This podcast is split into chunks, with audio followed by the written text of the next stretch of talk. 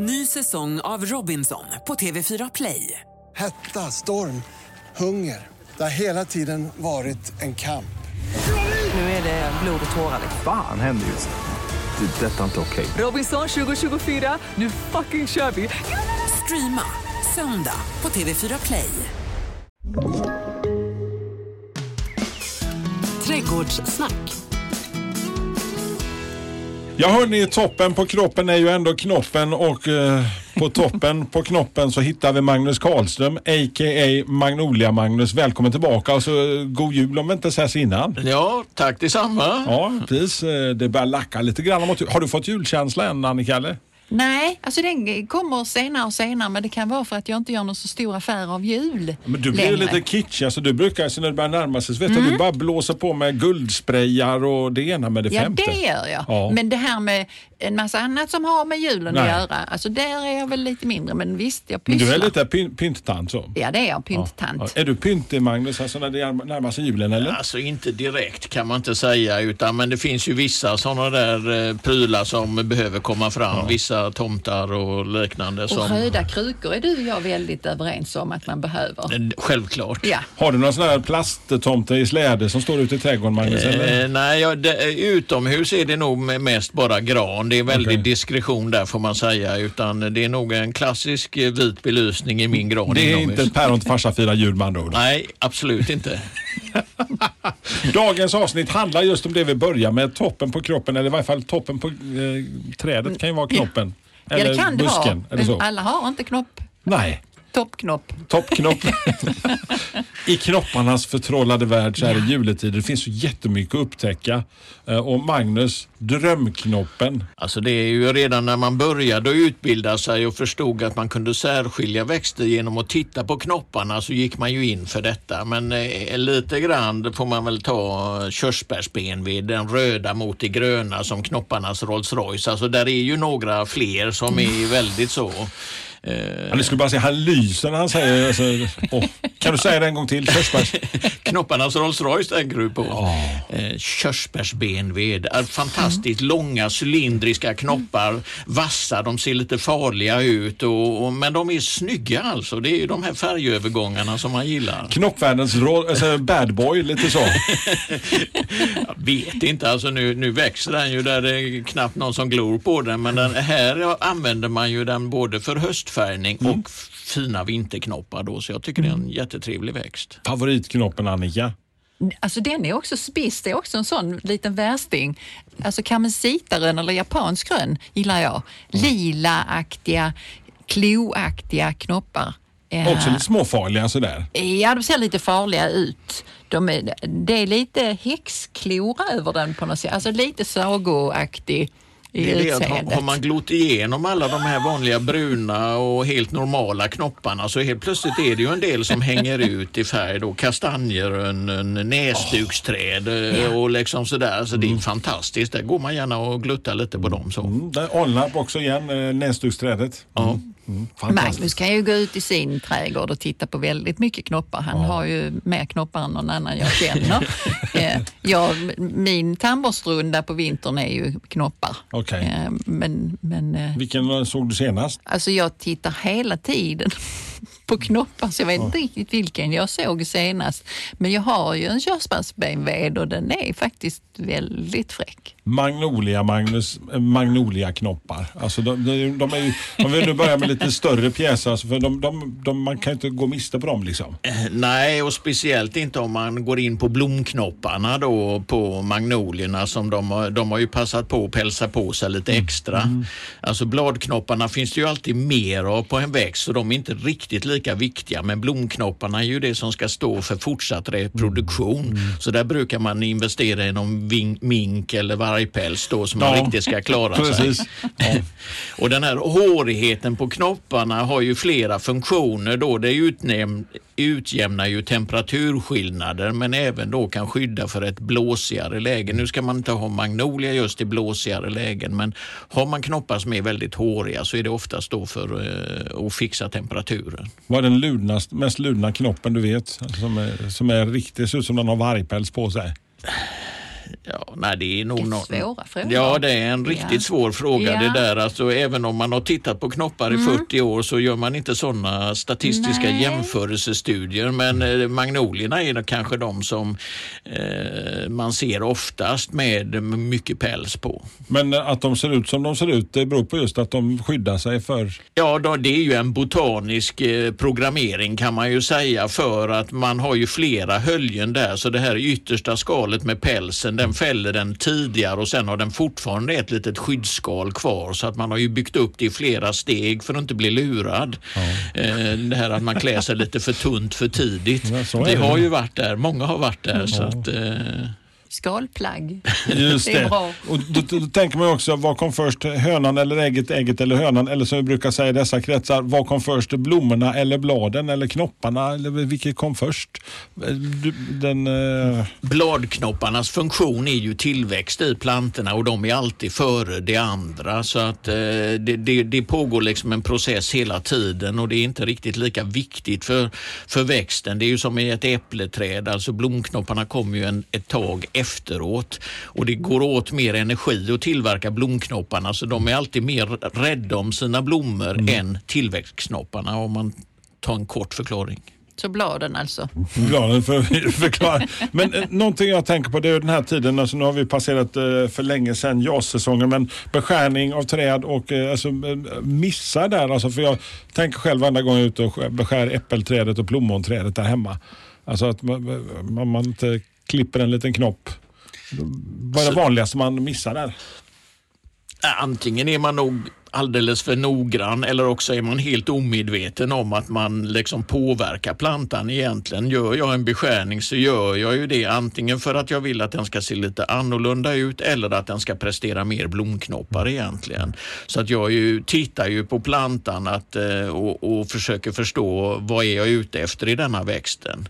Sen har man de som bara har hyrt en sekatör och bara går ut och smaskar till det och det är klart att eh, eftersom plantorna eh, vill överleva så brukar det gå bra men det finns ju ingen ackuratess i det sättet man har jobbat. Jag kände mig där nu så smaska till mig. Jag, jag kände igen mig själv där lite grann. I vissa lägen, då, i början i varje fall, så blev det lite så. Eh, Men ja, en, en om sån lite vanlig är ju alltså syrenhäckar skulle jag vilja säga. Att, att, eh, att man kanske beskär dem så att man hela tiden missar blomningen. Och varför har man då syren?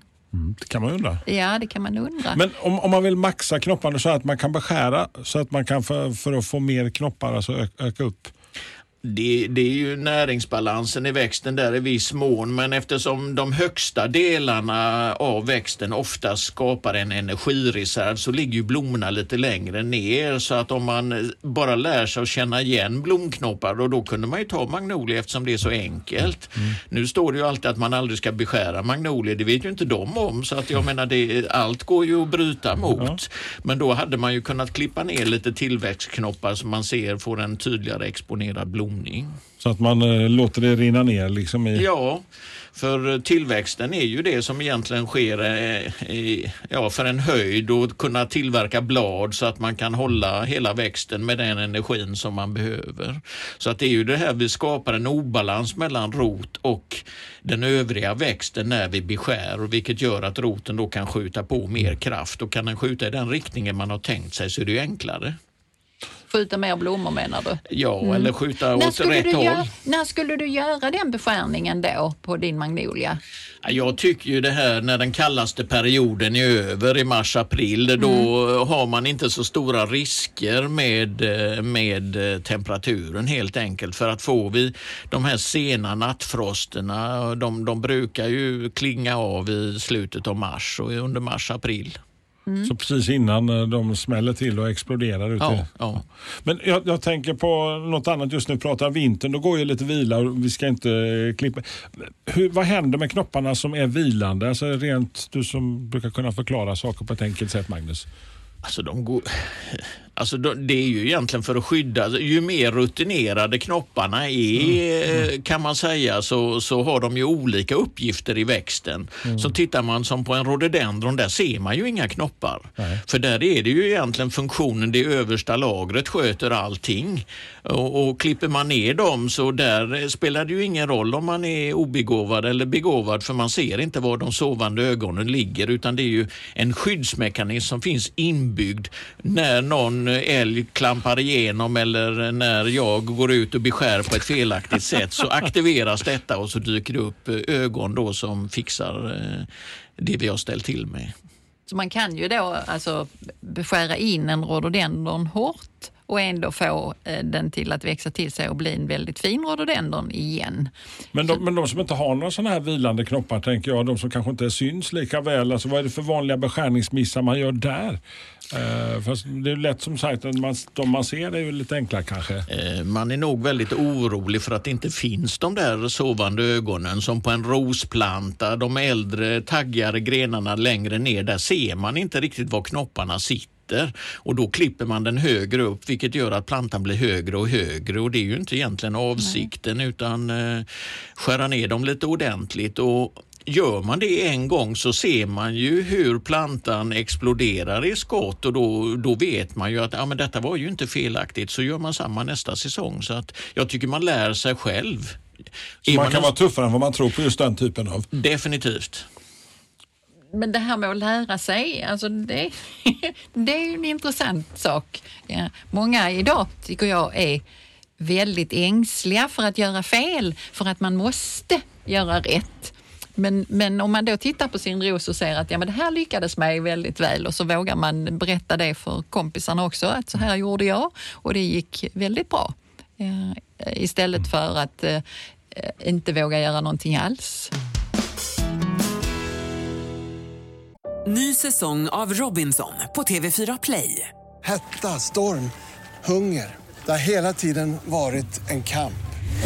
Nu är det blod och tårar. Fan händer just nu. Det. är Detta är inte okej. Robinson 2024, nu fucking kör vi!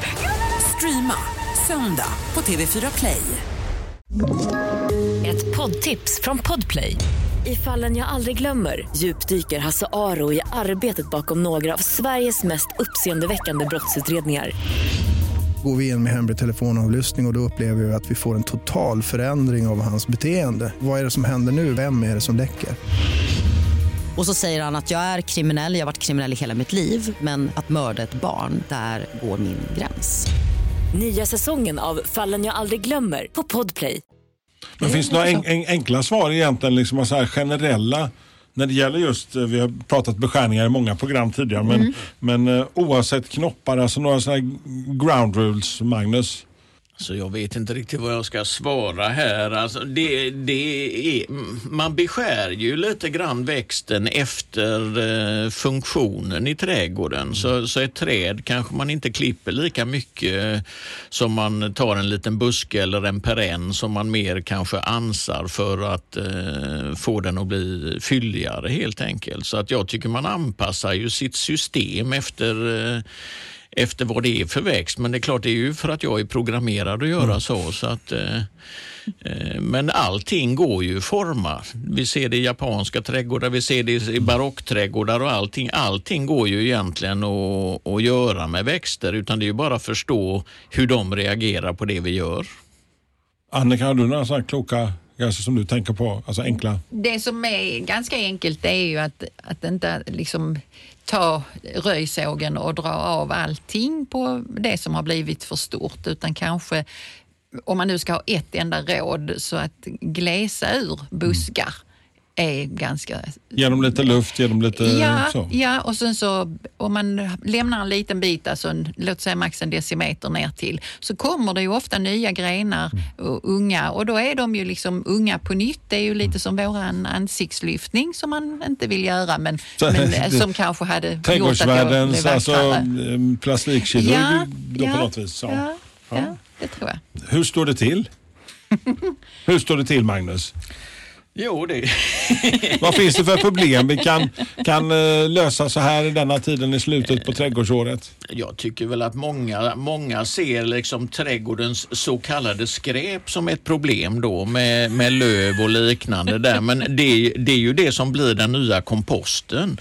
Så istället för att då köra bort sånt i, i parti och minut så kunde man väl kratta in det i sina buskar och hjälpa dem och skydda rotsystem. Och... Och då pratar vi alltså då med två personer som jag vet, alltså de springer så här, knackar på oss grannarna, kan jag ta dina löv? Ja för tusan säger de och så samlar de upp säckavis med löv. Alltså, det blir istället för en flaska vin när man kommer hem till dig Magnus, en säck med löv. Ja, de är väldigt välkomna och jag vill, eh, jag vill inte ha odefinierade löv blandade hur som helst utan jag vill ju lägga dem som på magnolierna vill jag ju gärna ha ek eller boklöv så att de eh, försurar lite grann så att jag håller pH-värdet i rätt balans. Så att eh, man kan inte bara komma med blandlöv hur som helst. Annika, man, ska, man kan- istället att komma hem till dig då, vad, vad, vad Alltså det går löv? bra med blandlöv hos mig. eh, för att eh, jag har nu eh, byggt mig en kompost och det tänkte jag faktiskt berätta om på de här fyra kvadraten när vi kommer till det. Eh, men en ett vanligt krux nu på, på vintern tycker jag är övervattning av inomhusväxter. Man dränker de små Ja, stackarna. vi var lite inne på det för några avsnitt sen, vad som händer med växter ut om de står i vatten. Mm. Och samma sak händer ju med inomhusväxter, att de vintrar ju på sätt och vis också in lite. Mindre ljus eh, och så. Ja, och så fullt med vatten. Eh, Precis som på sommaren. Det mår de inte så bra av. Däremot så kan ju miljön inne nu för våra inomhusväxter bli för torr. Eh, Så kanske det här eh, med ett fat med leka och sen så att krukan står så att det inte står i vatten utan upphöjt och så blir det lite fuktigare runt plantorna. kan ju vara ett sånt trix Och en liten räddningsaktion där när vi väl har dränkt våra små krukväxter. Vad brukar du göra då? Ja, alltså nu har, jag, jag dränker inte dem. Jag Nej, gör- om du skulle- du problemet råk- är tvärtom. Du eh, råkar mig. ut för det säger vi då. Ja, eh, då... eh, Det beror på. Ser den väldigt döende ut, alltså då är det ju komposten som gäller. Men om, det, om jag tror att det finns en räddning så är det ju bara att lyfta upp den eh, och låta den, alltså jag skulle kunna ta ur den ur ytterkrukan och till och med krama lite i rötterna om det är riktigt illa. Eh, och sen så tillbaks med den igen, men inte då eh, fortsätta att vattna eh, ihjäl den. Har du övervattnat några av dina krukväxter inne Magnus? Alltså jag kan ju inte säga att det är jag som vattnar krukväxterna inomhus. Så att, eh, Men där, den personen som gör det då? eh, nej, den är försiktig på Ja. ett bra sätt. Så Ja. att, eh, det är ett litet problem i vårt hushåll. Okej, ja, men, vad Ja. skönt. Vad skönt! Nej, men man, man måste lära sig vilka växter som vill dela tid med en. Och sen är det ju sådär att man, eh, vissa tar man hem i alla fall fast man vet att den cyklamen kommer haverera. För det har den gjort de senaste 20 åren. Så har vi inga fönster för det hemma. Men det är klart att ja, ja, men då får man njuta av den under den korta perioden som den faktiskt Så det är finns. cyklamen du vill dela tid med mest eller? Eh, nej, men... eh, Du fick välja en växt som du vill dela tiden med. nej, jag, alltså krukväxter tycker jag, San Paulier är rätt roliga faktiskt. Det var ju ett lite udda svar. Det hade jag inte väntat mig. Jaha, ja där ser man. Ja, den är ju söt. Jag fick en vildinsamlare från Kenya som Ja, någon som där hade missionerat. en ljusblå som vi har haft Ja, ja. i odling nu i 40 år. Så att det, det, Ja. Och sen om man tittar man då på släktet så, så presterar den många blomformer, många blomfärger. Det är en väldigt enkel krukväxt som dock inte trivs i alla fönster. Vi har ju sämre St. Paulier idag eh, sen jag flyttade till Skåne än vad vi hade uppe i Falkenberg. Så att, eh, Men jag säger alltså palettbladen, alltså denna, under Mm. denna, alltså det, det, där är ju en liten tävling nästan vem som kan få flest olika sorter. Ja. Ja. Och du gör egna sticklingar av det? Ja, Sätter bara ja. dem i vatten och sen så Absolut. blir det fler och fler och fler? Alltså det, det, det bara exploderar Ja. och sen plötsligt så kan man inte se ut förrän fram på vårkanten. Då får man gallra lite där. Så. Hur lång tid tar det innan du får rötter på dem då? Alltså, den, den, när man satt dem ner, i vattenglaset Mm. så kan det ta, det kan nog både ta någon vecka eller två sådär. Mm. Så att de är tillräckligt. Så sen bara pela ner dem. Sen pelar du ner dem i lite jord? Ja, och Ja. sen blev det plötsligt fantastiskt. Det, det, det, det, Se där. ja. vardagsdramatik. Eh, men det här är också ett program där man lär sig en himla massa andra saker som man inte visste. Eh, trädgårdsvärldens professor Baltasar, Annika. Eh, visste du att... Nej, det, det- det här är inte att jag kan en massa saker utan det är precis tvärtom. Det är massor med saker jag inte kan och så hittar jag någonting Ja. som liksom, åh men det har ingen Vad har du läst för något nu då? Alltså nu har jag hittat en väldigt trevlig hemsida med massor med bilder som säkert skulle kunna tilltala många. Och den heter Tradgarn, alltså trägarn. Tradgarn. Eh, .com. .com. Där är massor med bilder för alla de som nu tycker om blommor, både på rosor och klematis. Och när jag är ute hos mina kunder så, så tänker de om mig att om jag bara tittar på ett blad på en klematis så ska jag kunna säga vilken klematis de har. Och tyvärr så kan jag inte det. Men då brukar jag rekommendera att gå in där och titta, för då känner många igen sina blommor och så får de ett namn och plötsligt så vet de också hur de ska beskära den. Så det, mm, där kan man titta. Och där är rosor också bland annat. Tradgarn.com. Ja. Kolla där. Vi har en liten mikroskopisk yta som vi alltid lyckas fylla med massor med konstigheter. Och vi bränner och vi håller på. Vi gör bygger kojor har vi gjort också Ja, det det här vi året. På fyra kvadrat. Vad Ja. klämmer vi in där idag? Alltså nu ska vi göra någonting som jag faktiskt har gjort hemma. Eh, väldigt enkelt, låg budget. Eh, åtta stycken stolpar eh, tänkte jag mig. Eh, sex av dem är höga och eh, någonstans en och en halv till två och en halv meter och sen så de andra är lite lägre. Och så ska vi nu göra en kompost med tre fack. Och då kan man ju göra det här väldigt budgetaktigt. Nu har vi hörnstolparna och stolparna som delar av facken. Och sen så lägger vi en överliggare på de där höga stolparna som nu är på sidorna och bakåt. Mm, så får de en användning strax. Och sen så är komposten öppen fram eller så skapar man sig någon dörr. Dit har jag inte kommit ännu, men det ska jag. Eh, jag har börjat fylla komposten med blandlöv. Oh, kan du oh. tänka? Jag har ju mer fack alltså. Du har fack för alla de olika löven, det har inte jag än. Eh, och sen så har jag hjälp av mina höns. Eh, de blandar runt där så det behöver inte jag göra. Eh, men i vilket fall som helst, så tänk dig nu att du har den här komposten och överliggaren. Ko- Kompostens väggar kan ju av ribb eller plank eller viltstängsel eller vad du vill. Men upp där i en, 1,20, 1,5 meters höjd så att man kan lava på rejält mycket kompost så att värmen stiger i komposten. Och så. Eh, nu, de höga stolparna och överliggarna, nu sätter vi klätterväxter där som inte växer in i komposten utan som snarare är sådana som... Som en liten till exempel- dekoration så liksom. Ja, men det kan bli hur fint som helst.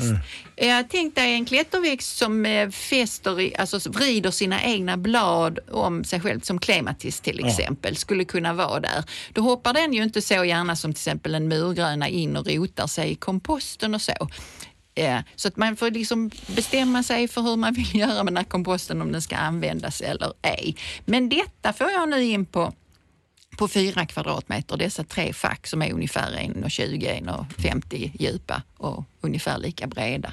Och det blir dessutom det väldigt vackert också. Ja, Så- och sen så funderar jag skarpt på att göra ett lock så jag liksom kan eh, bestämma hur mycket ljus det nu får komma in. Den här står då Vilken i ett avancerad skuggigt konstruktion. läge. Alltså det är så Ja, enkelt det så det är är- inte sant. High tech. Ja, nej men det är så. Komposten ska ju helst stå lite avskuggat så att den inte torkar upp. Nej. Man behöver vattna den och då är det, mm, kan vara ett lock eller någonting som begränsar hur mycket sol och så det kommer ner i den här nu. Hur många fack har du Magnus i din alltså, optimala kompost?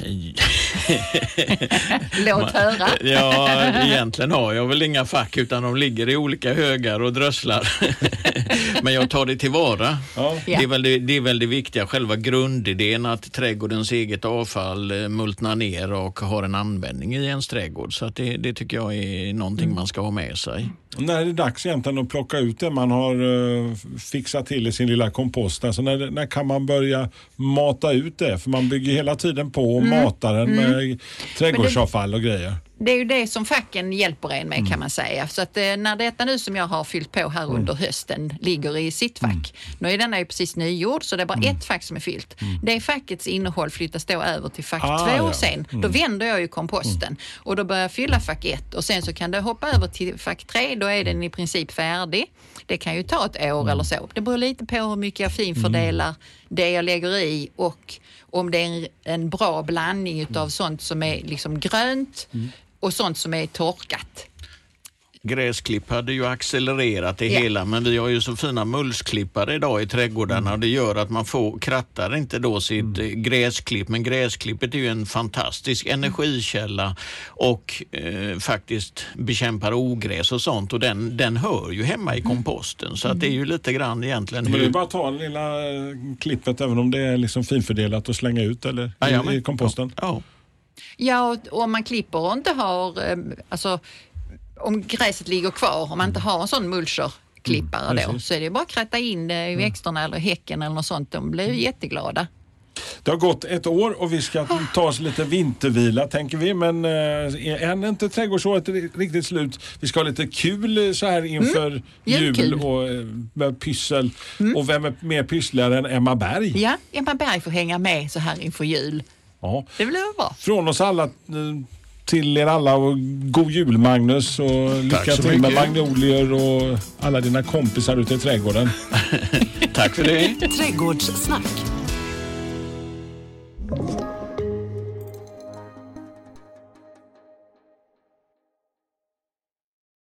Ny säsong av Robinson på TV4 Play. Hetta, storm, hunger. Det har hela tiden varit en kamp. Nu är det blod och tårar. liksom. Fan händer just nu. Det. är Detta är inte okej. Robinson 2024, nu fucking kör vi! Streama söndag på TV4 Play.